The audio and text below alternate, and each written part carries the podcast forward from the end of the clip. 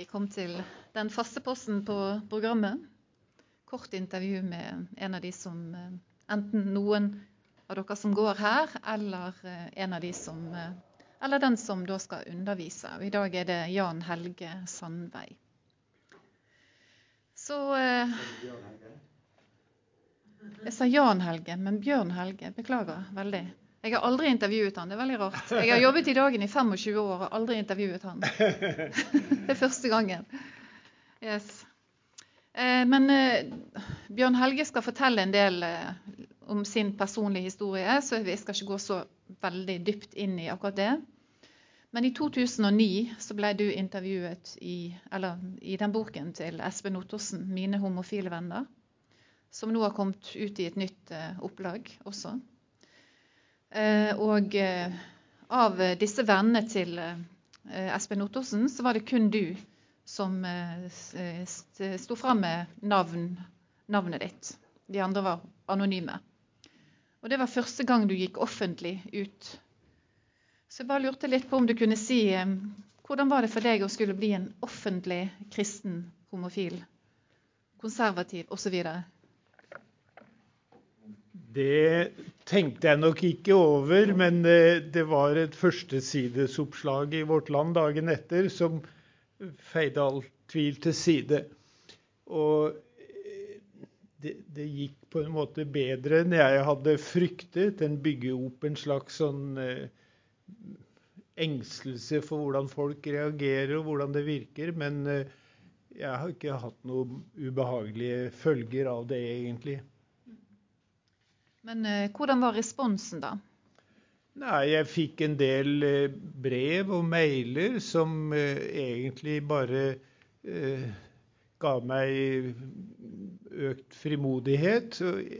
Ikke noe Jo, jeg fikk jo noen sånne litt ja, halvveis mobbemailer, men jeg ser så lite på mail at det gikk meg stort sett hus forbi.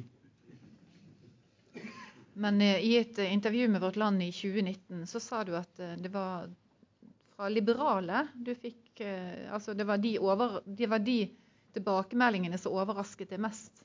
Ja, fordi jeg hadde jo uh, tenkt at uh, her kan den Jeg har ikke kanskje tenkt hva reaksjonen ble, men jeg ble litt overrasket over en del som uh, liksom ja, virket som de syntes det var dårlig gjort å, å, å, problematisere den liberaliserende utviklingen. Men eh, stort sett så har jeg vel egentlig enten bare blitt eh, fortiet eller fått vennlige reaksjoner. Og så har jeg jo, må jeg jo også si, fått reaksjoner fra andre kristne homofile som har følt at det at jeg våget å gå ut, at det ga dem litt trygghet og frimodighet. Og det har jo vært en god opplevelse eh, som jeg også har opplevd i en mannsgruppe som jeg har vært i, og hvor en del som ikke har hatt frimodighet til å være offentlig eh, kjent, for å si det sånn, har kunnet finne litt støtte i at vi, vi backer opp hverandre på en måte. Men hvorfor er det så få eh, homofile kristne konservative som står offentlig fram?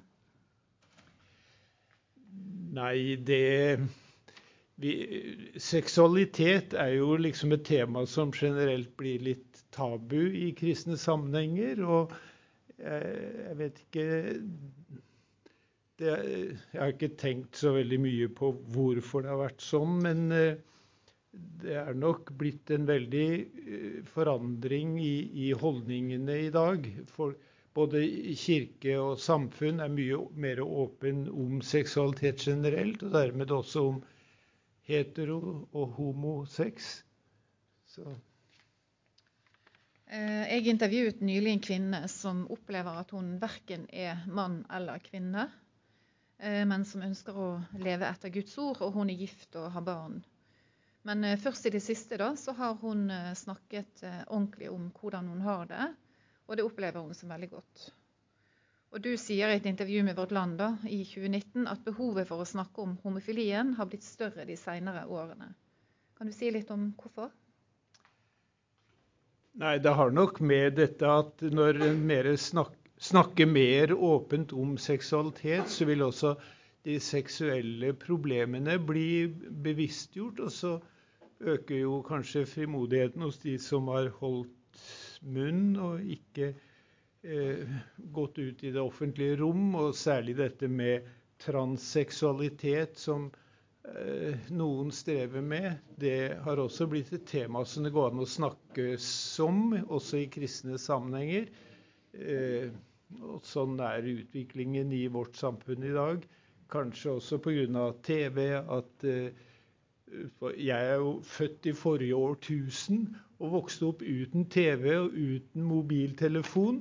Og da var liksom en del ting som nå er blitt veldig åpent i det offentlige rom. Det var ikke eh, noe man snakka om.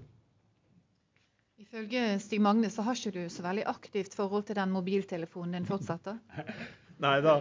Til eh, litt skuffelse for min svigerinne, som er litt engstelig for når hun ikke Jeg er, lever jo alene da, og vi er ikke så veldig mange i min familie. Og tenker kanskje han er død, for jeg får ikke tak i han. Eh, og da tenker jeg at eh, det er kanskje litt eh, urimelig å ikke ha mobil i dag, men jeg har faktisk ikke det ennå. og trives godt med det. Eh, mange kristne, og eh, spesielt unge kristne kanskje, som vokser opp i dag, har vanskelig for å se at det skal være så veldig galt da, at to menn eller to kvinner lever sammen i et trofast samliv. Hva sier du til unge som spør? Ehm, jeg har jo forsøkt å gi eh, et litt mer utfyllende svar til det i denne artikkelen, som eh, Stig kanskje hjelper til å dele ut. Ikke fordi dere trenger å lese den, men der er også de bibeltekstene og andre tekster som jeg kommer til å vise til, gjengitt, sånn at vi kan liksom følge sat litt. Så, for jeg ser det er ikke så mange som tok med seg den artikkelen da dere kom. Men eh, jeg har vært flere ganger på Bildøy og møtt ungdom der og fått frimodige spørsmål. Og jeg har prøvd å gi eh, ærlige svar da, ut fra min livserfaring og min innsikt. Og eh, for så vidt gitt en utfordring til å ikke eh, dilte med i den alminnelige oppfatning og opinion, men kunne forankre sitt liv og sine holdninger i et bibelsk eh, syn. Eh, du skal eh, undervise oss i to, to ganger 45 minutter. Det gleder vi oss til. Men jeg skal bare stille deg siste spørsmål. Jeg pleier å spørre folk som er her om når Bibelen ble en viktig bok for dem. Når ble Bibelen en viktig bok for deg? Det tror jeg var i konfirmasjonstiden. For da husker jeg jeg kjøpte min første bibelleseplan og begynte å liksom lese litt bevisst i Bibelen. Og jeg husker den nadværgudstjenesten vi hadde i forlengelsen av konfirmasjonen, opplevde jeg som veldig skjellsettende eh, en skjellsettende opplevelse i mitt liv. At da bekjente jeg at jeg ønsket å være en kristen. Og det var lenge før jeg var åpen om seksualitet og sånn, men, eh, men, det var eh, i konfirmasjonsalderen. Takk skal du ha. Da får jeg kanskje føye til at jeg føler meg jo litt eh, eh mosegrodd når jeg står her og er eh, på slutten av 70-tallet. Hva var det vi kom fram til? At det var 78 og går på 79. Og, og da tenker jeg eh, selv om jeg har vært eh, flere ganger i Bergen, på Bildøy, på Danielsen skole, og kanskje var noen i Åsane menighet, hvor jeg var med i en rundebordsamtale for noen år siden. Eh, men, så jeg tenker nå liksom begynner jeg å bli eh, for gammel til å være sånn i det offentlige rom. Da var det en som oppmuntret meg litt etter at jeg hadde en en eh, amputasjon av det venstre beinet, så jeg har egentlig Jeg står bare på ett bein og et, og, og et rørbein. da. og så sa han ja ja, men du får tenke sånn at det er ikke så farlig når aldringen begynner nedafra. så uh, det var liksom Har gitt meg da frimodighet til å si ja til Stig her.